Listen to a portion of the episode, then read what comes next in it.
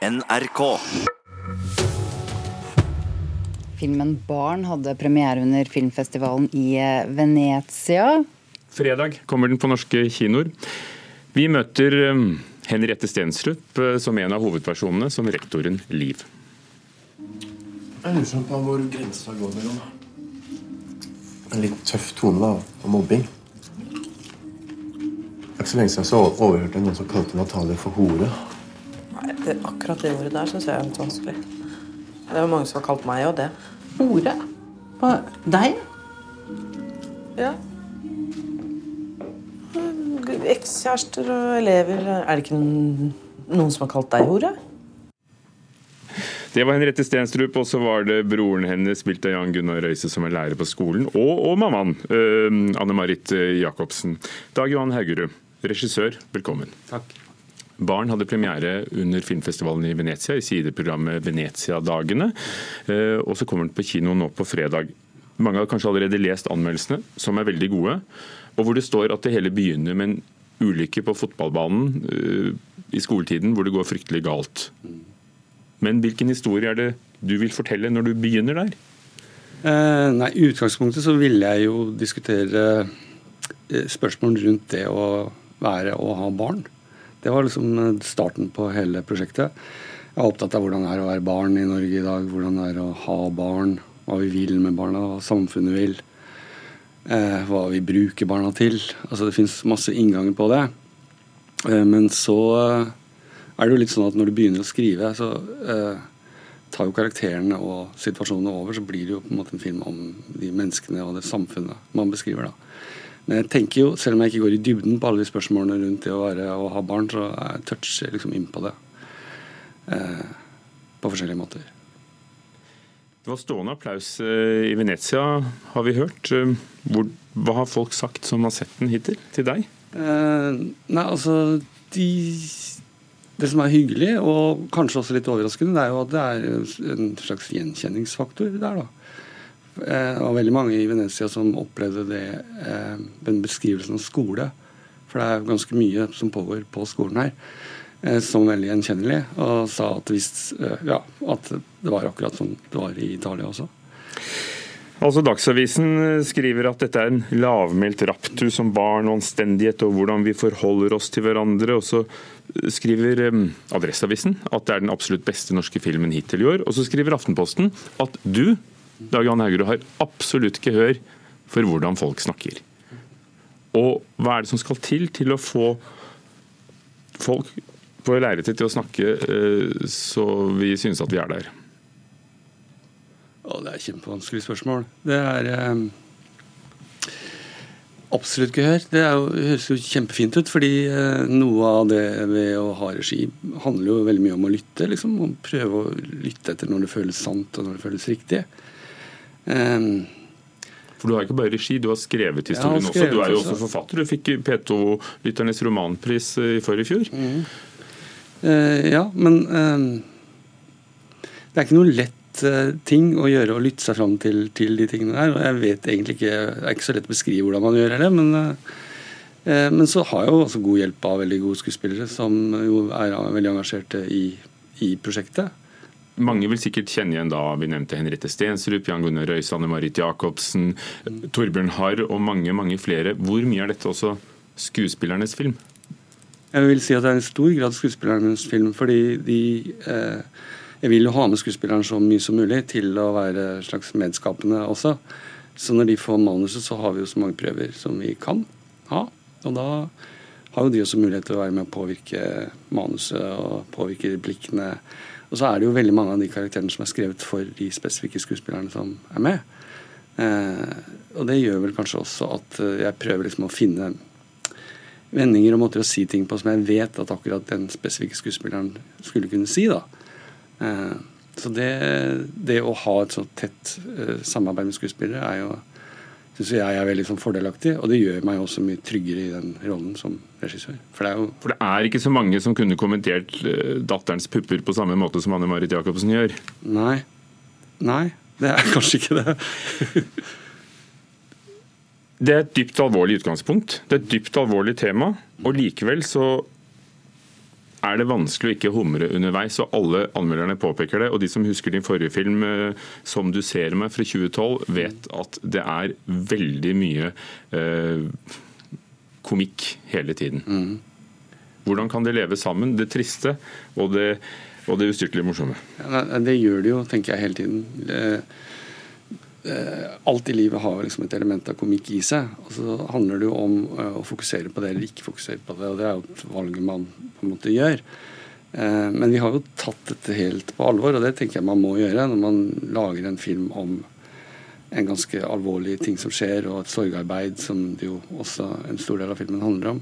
Så, så mislykkes man helt hvis man ikke tar det på alvor. Men man kan jo også åpne opp for å se komikken. Er det satire du lager? Er det en politisk satire? For det handler jo også om forskjeller. og Jeg tok bevisst ikke det klippet siden det er valgdag i dag, men altså, det handler jo om motsetninger mellom Arbeiderpartiet og Fremskrittspartiet, og, og hvordan vi forholder oss til motstanderne. Ja, Som kan høres litt sånn tabloid ut, egentlig. Men det er ikke det som er eh, poenget. Og det er ikke ment å være en satire. Eh, og når jeg har tatt utgangspunkt i eh, folk fra de forskjellige partiene, så er det mer for å vise menneskene bak partipolitikken. Fordi man presenterer seg jo på én måte i mediene og på TV, og sånn, og så er man jo kanskje på en annen måte når man er hjemme da, og når man er sammen med, med de nære. og sånn. Men så. Du sier det ikke er satire, men det er vanskelig å ikke kjenne seg igjen i, i foreldreutvalget eller mammaen som var keramiker eh, og syr bunader, eller eh, rektoren eller eh, den svenske lærerstudenten som er politisk korrekt. Jeg vil vel si at satire krever en eller annen form for distanse, at du forholder deg litt distansert til, til de karakterene. Og det, det, vil jeg jo ikke gjøre. For jeg vil jo at man skal liksom knytte seg opp følelsesmessig til de. Uh, og føle med de og tro på de og liksom være med de. Uh, så da kan man jo ikke egentlig ha en sånn satirisk vinkling på det, tenker jeg. Så jeg tror ikke det er det, det Eller jeg ville i hvert fall ikke kalle det satire. da. Har du stått uh har du fått helt frie tøyler? To og en halv time varer filmen. Det er ikke ofte norske, nye norske filmer gjør det. Nei, ja, jeg har fått frie tøyler. Men en film er jo på en måte så lang som den må være. Det er det man prøver å finne liksom filmens iboende rytme og takt og sånn. Og kan jo, du kan jo lage en film som eh, varer en time som føles som to og en halv time. Og så kan du jo lage en film på to og en halv time som føles kortere. Eller som ikke føles Det var det du la opp til. Egentlig i det hele tatt. Hva sa du? Ja, det var det du la opp til. Ja, men det er bra. Takk skal du ha. Dag Johan Haugerud, forfatter og regissør. Filmen 'Barn' har premiere på fredag. Fra nyttår 2020 får Norge nye fylkesinndelinger, og flere også nye navn. Men det er jo ikke bare fylkene som eh, bærer fylkesnavnene. Det mm, gjelder også kulturinstitusjoner. I Sogn og Fjordane vurderer nå Sogn og Fjordane Teater om de skal beholde navnet sitt, eller endre det, slik Hordaland Teater har gjort. NRK-programleder Linda Eide er tydelig på hva hun mener. Jeg syns det er litt rart at Hordaland Teater og Sogn og Fjordane Teater føler at de må hoppe etter politikerne. Det sier forfatter og programleder Linda Eide om diskusjonen i Sogn og Fjordane. Fordi 1.1.2020 så går antallet fylker i Norge fra 19 til 11. Noen beholder sine navn i nye konstellasjoner, og andre de får nye. Men det er ikke bare fylkene som har hatt disse navnene. Flere kulturinstitusjoner i fylkene har også båret fylkesnavnene. I det som blir nye Vestland fylke, altså Hordaland og Sogn og Fjordane, så har Hordaland Teater allerede bestemt at de vil bytte navn til Det Vestnorske Teatret. Ved Sogn og Fjordane Teater så er de nå i en prosess hvor de diskuterer navnet. Og så er det jo til syvende og sist våre eiere som da bestemmer om vi skal skifte navn, og da hva vi skal hete. Det sier Bodil Kvamme, teatersjef ved Sogn og Fjordane Teater. I Vestfold så kan man stille det samme spørsmålet. Fylket det blir slått sammen med Telemark, og det nye navnet blir Vestfold og Telemark. Daglig leder i Vestfoldmuseene, Lene Valle, er tydelig på at det ikke betyr at de nødvendigvis bytter navn. Men hun sier at det vil påvirke dem, fordi de har et navn etter nedslagsfeltet sitt. Ja, jeg tenker jo for så vidt at et annet navn kunne ha gitt oss en, mer, en større åpenhet for hva det nye museet i fremtiden eventuelt skulle romme. Men dette må vi jo gjøre i dialog med eierne våre, og selvfølgelig den nye fylkeskommunen. I Akershus er situasjonen litt annerledes. De slås sammen med Buskerud og Østfold og får navnet Viken. Det har påvirket Akershus teater. Så vi har eh, bestemt oss for at vi skal skifte nå. Det sier teatersjef Bo Anders Sundstedt. Han forklarer at grunnen til det er at Akershus ikke vil være et stedsnavn man forholder seg til i fremtiden. Innser at eh, navnet ikke lenger eh, er beskrivende, kanskje, for hvordan vi opererer. Men hva sier eksperten? Bør institusjonene med de gamle fylkesnavnene skifte det, eller ikke? Det kommer litt an på uh, dels institusjonene og dels hva man ønsker å øh, viderebringe som øh, identitetsinformasjon i navnet. Det sier Peder Gammeltoft. Han er faglig leder ved språksamlingene ved Universitetet i Bergen, og har brukt de siste 20 årene på å forske på stedsnavn. Han forklarer at om man vil viderebringe ideen om tradisjon og soliditet, så beholder man det gamle navnet, i hvert fall en stund fremover. Om man vil være med på notene og vise at man er moderne, så tar man det nye navnet. Det viktigste er å vurdere om det er nødvendig. Og Grunnen til det er at navnet er institusjonens viktigste merkevare, og det de er kjent som. Linda Eide hun har et klart råd til dem som vurderer å gi et nytt navn til sin institusjon. Men de må iallfall passe på at ikke det blir helt sånn kjønnsløst og umulig å, å plassere for folk. Reportere var Maiken Svendsen og Ragnhild Myklebur. Myklemyr heter hun. Ja, da har kulturreporter Elisabeth Grøndal kommet i studio. Det har vært filmfestival i Venezia, nå er det filmfestival i Toronto. Du skal snakke om noen norske filmer? Ja, det er to norske filmer som har hatt premiere på filmfestivalen i Toronto. Den ene heter 'Håp' og er regissert av Maria Sødal med Andrea Brein og Stellan Skjærsgaard i hovedrollene. Og her møter vi Anja, som har tre, har tre, barn, et litt dårlig ekteskap og en svulstig karriere innen kunsten. Men så åpner filmen med at hun går til en legetime og får beskjed om at hun har fått uhelbredelig kreft. Og Det er jo en ganske tøff start på en film. og Anmelderen i bransjetidsskriftet Screen er veldig begeistret over dette. her.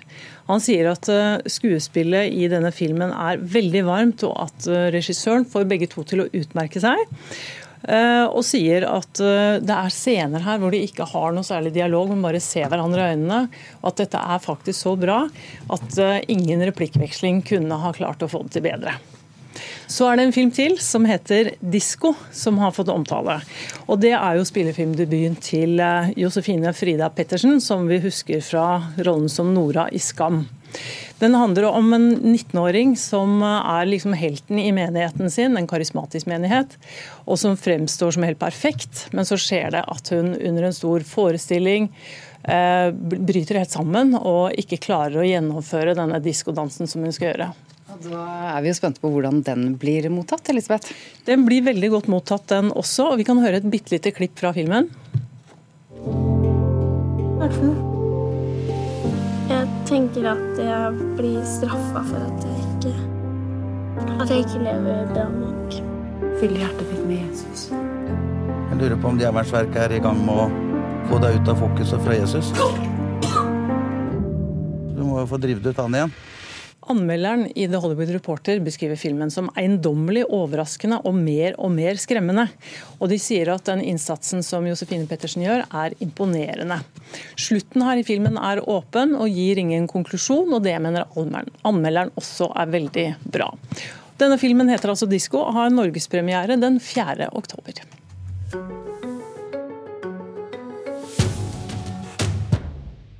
En av de virkelige klassikerne i musikallitteraturen har hatt eh, premiere på, i en ny oppsetning på norsk på Folketeatret i Oslo. Vi snakker om 'Sound of Music' med Solveig Kringlebotn, verdenskjent operasanger som abbedissen og Lena Kristin Ellingsen som Maria. Jeg pleide å synge den sangen da jeg var liten, og så husker jeg ikke hvordan den var. Roser, og vær så snill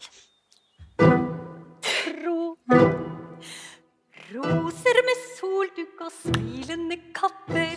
Tinnfat som blinker og sneglehusskatter. Nymalte farger på gammel tapet.